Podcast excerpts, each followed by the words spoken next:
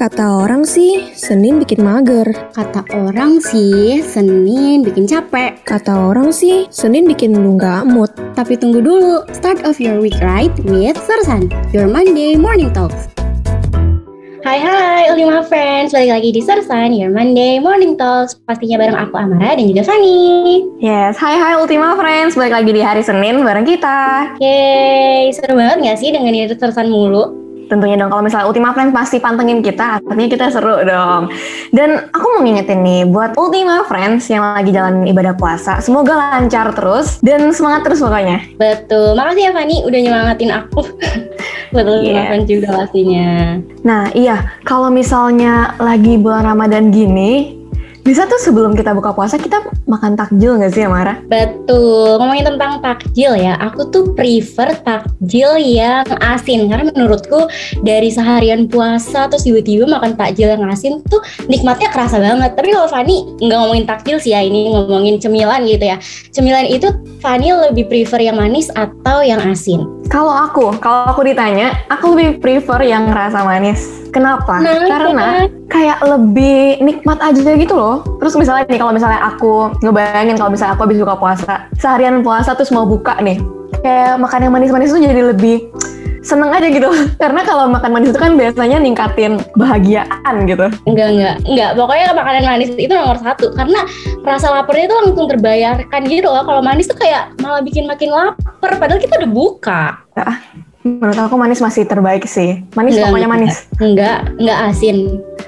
Duh, tapi kayaknya ini kita agak debatnya nih kurang pas deh. Kayak argumentasinya sangat-sangat tidak oke gitu. Waduh, kayak kita nggak berdasar banget ya. Ini cuma berdasarkan pokoknya asin enak dan manis itu enaknya nggak sih? Iya, daripada kita makin gak jelas gini, mending kita langsung manggil aja nih. Kita hari ini kedatangan Mister Laki, seorang debater yang keren banget. Waduh, jadi kita bisa belajar juga ya gimana cara berdebat yang bagus, nggak asal-asalan kayak kita tadi ya nggak sih, Man? Yes, yes, betul banget. Kita panggil aja langsung kali ya. Kita sekarang kedatangan Kak Sadam Permana. Halo Kak. Halo, Hai hai. Gimana gimana nih Kak kabarnya? oh baik teman-teman semua gimana kabar baik? Baik. Baik, alhamdulillah. Kalau misalnya kita masih ngobrolin soal kayak tadi ya ngomongin takjil-takjil gitu, ngomongin makanan dipa- yang dimakan saat bulan Ramadan gini, kan kita tahu nih kalau Kak Sadam ini dari keturunan Minangkabau ya Kak. Bener banget. Aku Cindo dan Minangkabau. Wih, dan setahu aku nih di Minangkabau itu ada banyak banget nih makanan khasnya. Kalau biasa Kak Sadam sendiri kalau bisa kalau biasa buka puasa tuh makannya apa sih? Sebenarnya aku nggak ada yang khas uh, makanan khas Minangkabau untuk buka puasa. Biasanya aku mungkin uh, kolak atau ya makanan-makanan ringan lah yang manis. Wih, artinya Wah. kakak juga suka yang manis-manis nih. Tidak, tidak, tidak. Kak Sadam harus tim asin, Kak. Ayo, Kak, bantu aku debat ini. ya tenang, aku juga tim asin jadi netral. Oke, netral, netral. Tapi ya, Pan, kita nih tadi bilang kalau Kak Sadam ini adalah seorang debater yang sangat amat berprestasi. Kayaknya kita langsung sebutin aja nggak sih prestasinya biar kayak Ultima Fans juga tahu sebenarnya prestasi apa yang udah pernah didapetin sama Kak Sadam. Boleh banget, langsung sebutin semuanya. Sebutin semuanya. Kayak sampai besok nggak kelar nggak sih ini podcast? Sebutin sebanyak-banyak ya pokoknya. Oke, coba aku sebutin ya. Jadi setahu aku nih ya, yang pertama itu ada juara first winner of the 2020 Piala Muhammad Natsir National Law Debating Competition. Bener nggak? Uh. Terus yang kedua ada first winner of National Law Debating Competition Unpad 2021. Wow. Coba reaksinya lagi. Wow. Wow. Yang ketiga ada Best Speaker of National Debating Competition APBN Ministry of Finance. Tapi Oh. masih ada lagi Ultima First. Masih banyak, tapi kayaknya ini yang terakhir aku sebutin deh hari ini karena kalau enggak kita nggak kelar-kelar ya. Nah yang terakhir itu ada Most Outstanding Student Non Academic Category Fakultas Hukum UI 2021. Wih, banyak banget ya. Kayak mantap. Emang gak kaleng-kaleng sih kita ngundang Mister Laki hari ini ya. Betul betul. Semoga Ultima First bisa terinspirasi juga ya kayak pengen juara, pengen juara gitu. Yoi. Nah, kalau misalnya kita biasa ngeliat Kak Sadam nih ya, kan biasa kalau debat pasti serius nih. Tapi sebenarnya Kak Sadam tuh orangnya kayak gimana sih? Jadi aku sendiri tuh orangnya sebenarnya santai, gak serius banget. Kalau misalnya dalam ranah kompetisi debat kan kita memang harus serius ya. Jadi mungkin kesannya kalau misalnya orang yang nggak tahu aku atau tahu aku cuma dari uh, kompetisi debat atau dari prestasi dari debat aku aja mungkin pasti mikirnya aku tuh orangnya serius banget tapi enggak sebenarnya tuh orangnya uh, apa ya receh terus juga ya seperti uh, apa ya mahasiswa pada umumnya lah gitu. Wih, tapi ya Kang Adam tuh kenapa sih bisa sampai suka gitu loh ngelakuin debat? Karena kalau dari aku pribadi ya, aku tuh menghindari banget debat karena aku pasti nangis. Oke, jadi sebenarnya kalau dalam uh, debat yang aku suka itu dalam ranah kompetisi ya. Jadi sebenarnya kenapa aku suka debat karena ketika aku mengikuti kompetisi debat ada banyak banget hal yang aku pelajari. Mulai dari aku belajar tentang ilmu baru tentunya. Karena kalau kita debat kita akan dikasih sebuah mosi ya. Dan mosi itu tuh ilmu yang uh, sebuah kesempatan untuk aku belajar sesuatu yang baru. Kayak misalnya contohnya aku tuh anak hukum ya. Tapi kemudian aku ikut lomba debat ekonomi, lomba debat APBN dari Kementerian Keuangan, di mana aku akhirnya belajar tentang dunia uh, keuangan uh, secara mikro dan juga makro. Belum lagi, aku bisa menambah banyak banget relasi dari teman-teman uh, yang ikut kompetisi debatnya juga. Gitu. Terus juga aku tuh suka sebenarnya untuk memberikan sebuah uh, mekanisme atau sebuah gagasan berkaitan dengan suatu hal gitu. Jadi kita pada akhirnya sama-sama belajar dan hal ini tuh sebenarnya pada akhirnya tuh bikin aku tuh jadi uh, suka dan semangat gitu buat mengikuti kompetisi debat gitu sebenarnya. Oh, jadi emang dari Kak Sadam sendiri emang suka debat itu karena menurut kakak lewat debat ini kakak bisa belajar banyak hal baru ya? Betul. Oke. Okay. Nah, kalau misalnya kebetulan nih sekarang kita lagi di bulan Ramadan nih. Kak, Kak Sadam di bulan-bulan Ramadan ini sempat ikut lomba debat juga nggak sih? Kebetulan aku belum sih, belum pernah ikut lomba waktu Ramadan. Puasa dulu kayaknya. Oke. Oke, oke, oke. Dan dari banyaknya lomba debat yang pernah Kak Sadam ikutin nih, kira-kira yang mana sih yang paling berkesan buat kakak? Yang paling berkesan itu semua sebenarnya semuanya berkesan. Cuman yang menurut aku yang bener-bener um, apa yang menurut aku wah ini nih satu nih. Itu waktu lomba debat APBN yang diadain oleh Kementerian Keuangan. Kenapa? Karena uh, aku tuh bisa dapat sebenarnya nih bisa punya kesempatan untuk langsung dijuruin oleh Bu Sri Mulyani gitu. Tapi kebetulan beliau pada akhirnya berhalangan ya. Cuman uh, aku pada akhirnya lomba di Kementerian Keuangan, belajar tentang uh, ekonomi yang mana itu hal yang baru buat aku dan juga aku uh, mendapatkan uh, apa ya prestasi sebagai best speaker dan mana itu menurut aku menjadi sesuatu yang sangat uh, sesuatu yang berkesan menurut aku. Terus juga kakak tadi menang juga ya yang lomba itu? Kebetulan kalau yang lomba debat PBN aku juara dua. Ah, gitu. Oke, okay, oke. Okay. Tapi ya Kak, dari semua debat-debat lomba debat yang udah pernah Kak Sadam laluin, debat mana yang bikin Kakak tuh deg-degan banget gitu loh? Karena kan pasti uh, tensinya beda-beda kan ya. Nah, mana tuh yang paling deg-degan? Yang paling deg-degan pastinya lomba debat pertama aku ya sebagai mahasiswa itu yang uh, yang tingkat nasional maksudnya itu yang di UI Law Fair yang diadain oleh Universitas Islam Indonesia. Itu pertama kali aku mewakili uh, Fakultas Hukum UI dan itu kenapa deg-degannya itu karena pertama aku masih mahasiswa baru pada saat itu. Jadi aku masih yang merasa aduh ini kira-kira aku bisa nggak ya? Secara aku kan masih ilmunya mungkin masih kurang daripada peserta-peserta lain yang semesternya mungkin udah jauh lebih daripada aku. Kemudian yang kedua karena aku ngerasa pada saat itu apa ya ada uh, ada semacam tanggung jawab yang besar untuk membawa nama alma materku pada saat itu. Karena itu pertama kali ya. Jadi aku ngerasa kayak kalau misalnya aku nggak nampil maksimal aku takutnya pada akhirnya mengecewakan uh, kampusku dan lain sebagainya. Jadi itu yang sebenarnya bikin deg-degan di lomba pertama. Oke, nah tapi setelah lomba pertama itu apakah sampai sekarang kakak masih sering deg-degan nggak? Atau kayak, ah udah biasa nih, udah biasa banget gue ikut debat-debat gini? Kalau uh, tentang deg-degan pasti ya di semua uh, lomba aku, pasti deg-degan sih sebelum tampil. Bahkan bahkan bukan lomba aja gitu, misalnya tampil presentasi di depan kelas atau bahkan menjawab pertanyaan dari dosen pun bahkan masih deg-degan juga gitu. Jadi aku itu itu sesuatu yang manusiawi lah. Betul betul. Aku juga selalu mengalami hal itu ya. Apalagi kalau kita nih sekarang kayak siaran gitu kan, ketemu Mister Laki itu deg-degan banget ya nggak sih mas? Deg-degan sih, cuman harus ditutupi ya. Kata kelihatan nggak kayak deg-degan nih. Keep it low-key, keep it low-key. Nah, kalau misalnya dari Kak Sadam sendiri, gimana sih cara netralisir deg-degannya itu yang at least uh, bisa gitu lah tampil di depan umum biar nggak kelihatan banget nih orang lagi nervous gitu. Oke, jadi sebenarnya ada dua cara. Pertama tuh dari um, preventif dulu ya. Jadi yang aku lakukan sebelum aku tampil adalah aku latihan dulu. Keras latihannya itu dalam arti aku coba ngomong uh, sama diri sendiri. Misalnya ada materi debat yang aku coba uh, ngomong berdebat sama diri sendiri atau mencoba untuk latihan memaparkan argumentasi sampai aku merasa oke okay, udah siap gitu. Kemudian aku tampil juga di depan teman-temanku dan kita latihan debat secara uh, secara bersama-sama ya uh, itu bisa banget mengurangi rasa deg-deganku saat tampil secara langsung. Jadi aku bikin suasana latihan yang itu semirip mungkin dengan situasi lomba. Ada uh, timekeeper, kemudian ada moderator dan sebagainya. Jadi uh, itu yang pada akhirnya bisa membuat aku mungkin sedikit deg-degannya mungkin berkurang. Kemudian uh, sebelum aku tampil, mau itu aku uh, lagi mau lomba atau misal presentasi, juga aku pastikan aku tuh punya asupan energi yang baik.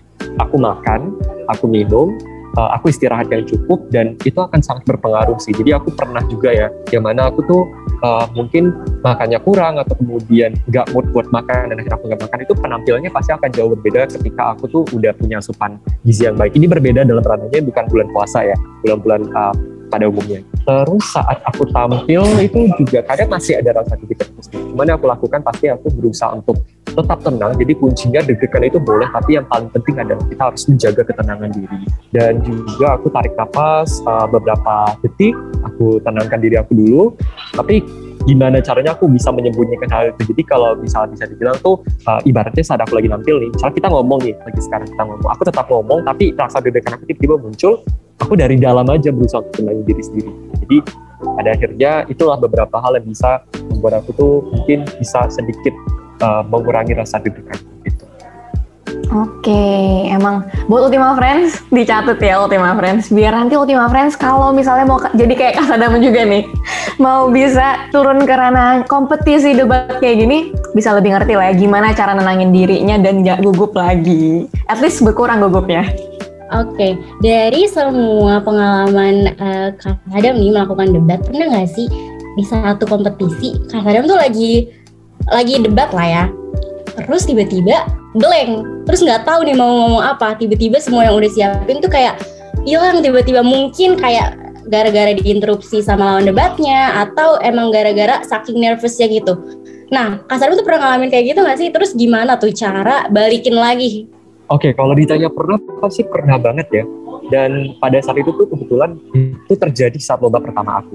Uh, waktu itu aku masih ingat banget lombanya itu aku ketemu sama UGM dan itu deg-degannya tuh bikin aku ngeblank karena waktu itu kita lombanya di Jogja uh, lawannya UGM jadi ada perasaan apa ya uh, itulah deg-degannya itu pada akhirnya muncul dan akhirnya bikin aku blank tapi kemudian yang aku lakukan adalah aku harus banget pastikan sebelum aku tampil aku udah bikin catatan uh, yang isinya tuh adalah poin-poin dari argumentasi yang ingin aku sampaikan. Jadi ketika aku blank aku tetap mengetahui ini kira-kira tuh setelah aku ngomong tuh aku bakal setelah ngomong argumentasi satu aku bakal ngomong argumentasi dua sampai ke penutup. Jadi aku udah punya catatannya.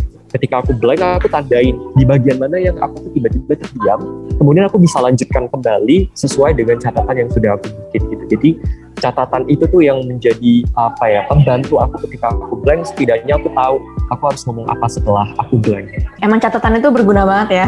Tapi pernah nggak sih kak kayak uh, kakak mau ngelawan argumentasi dari lawannya nih, tapi nggak sesuai dari poin-poin yang udah kakak siapkan? Itu pernah banget, pernah banget terjadi. Uh, bahkan itu lombanya waktu lomba debat APBN juga. Dan aku tuh membawakan argumentasi yang beneran di luar dari apa yang sudah dibahas dan di luar dari catatan pribadi. Jadi aku tiba-tiba kayak ya ngomong aja gitu langsung tanpa uh, sesuai dengan catatan aku tapi itu hanya terjadi memang di momen-momen tertentu saja, di momen ketika aku merasa oh ternyata alur perdebatannya berbeda nih dengan apa yang sudah dipersiapkan gitu, berkaitan dengan uh, perlombaan debatnya gitu atau penentuan debatnya dan itu bisa terjadi.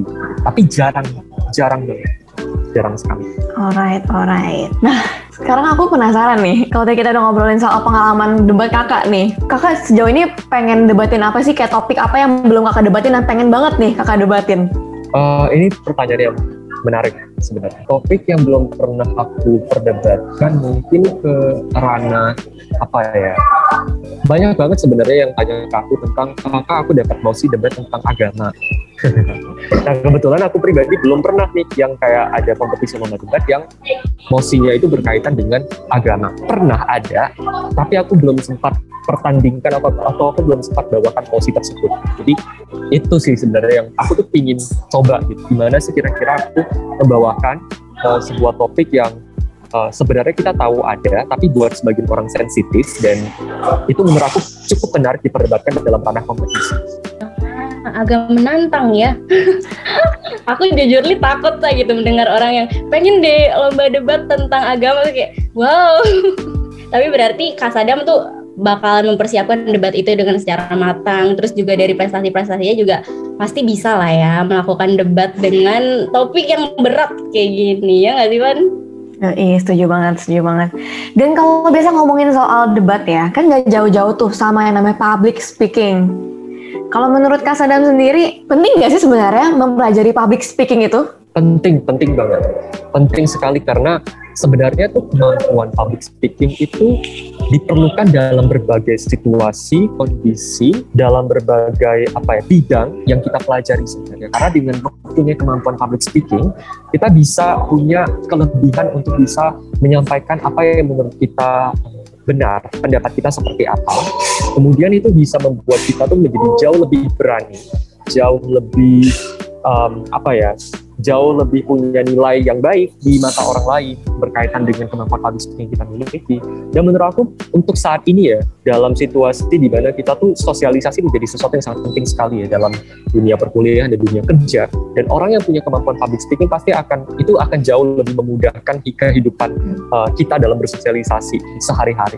Jadi itu tadi uh, public speaking itu bukan hanya dalam ranah oh uh, dia debat gitu. Makanya dia juga uh, penting public speaking untuk dia aja untuk orang-orang debat aja untuk orang-orang yang memang sering tampil di depan umum atau sering tampil di depan TV gitu. Sebenarnya enggak gitu. Public speaking itu dalam kehidupan sehari-hari itu itu yang sangat penting juga sebenarnya. Jadi harus dipelajari oleh semua orang. Gitu. dan sangat penting pasti dengerin ya Ultima Friends. Public speaking itu penting. Jadi harus belajar dari sekarang. Jangan nunggu besok-besok karena sebenarnya dari sekarang kita kuliah aja udah dibutuhin. Kayak sekedar presentasi di depan kelas aja itu penting banget kan public speaking Betul, betul, betul.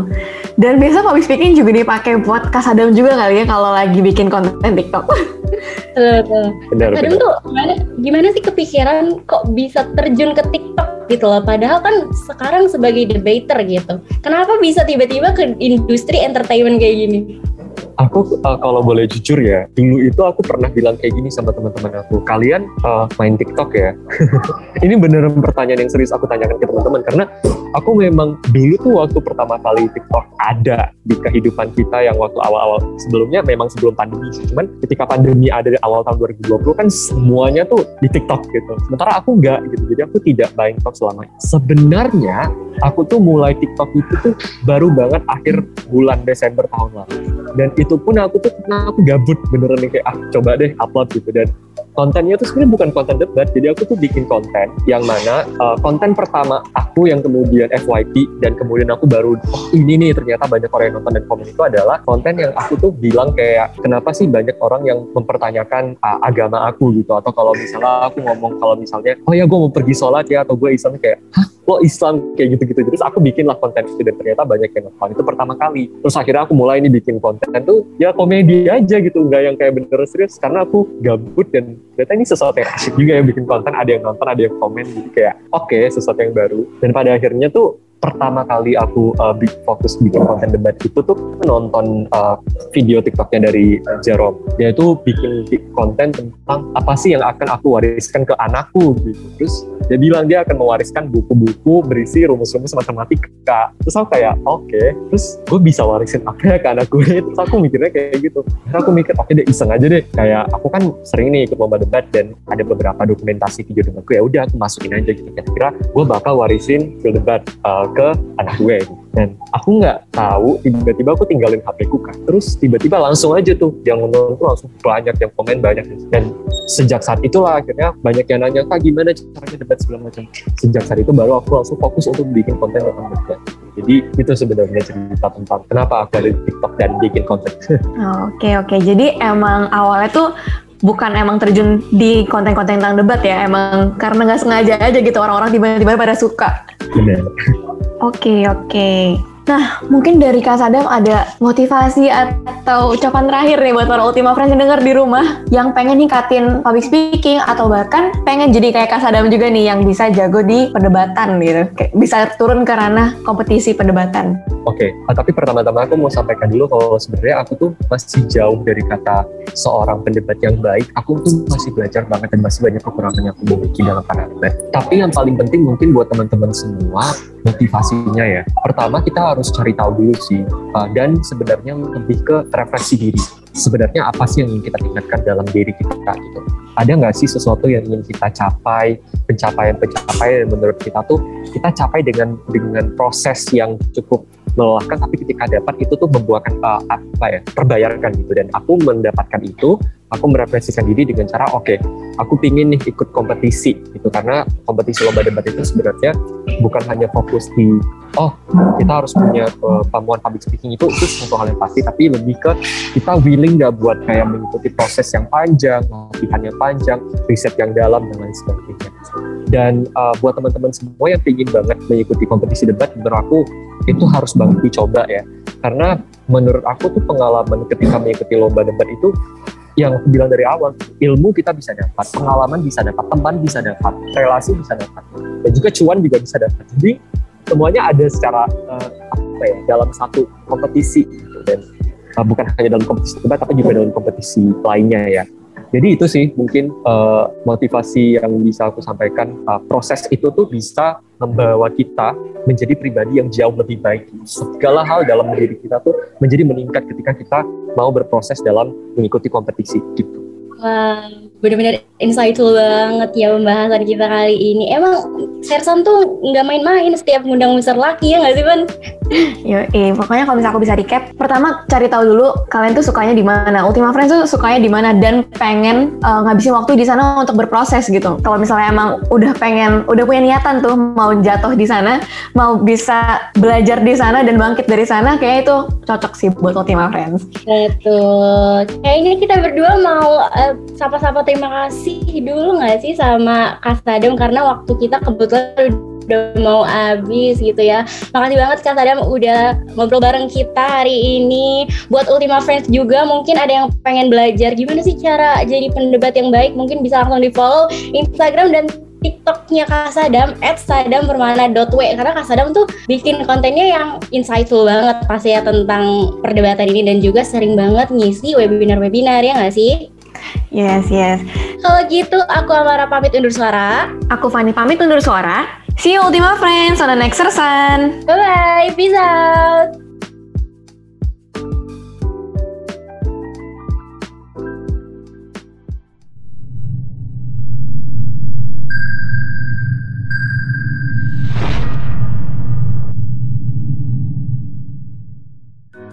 Kata orang sih, Senin bikin mager. Kata orang sih, Senin bikin capek. Kata orang sih, Senin bikin lu nggak mood. Tapi tunggu dulu, start of your week right with Sersan, your Monday morning talks.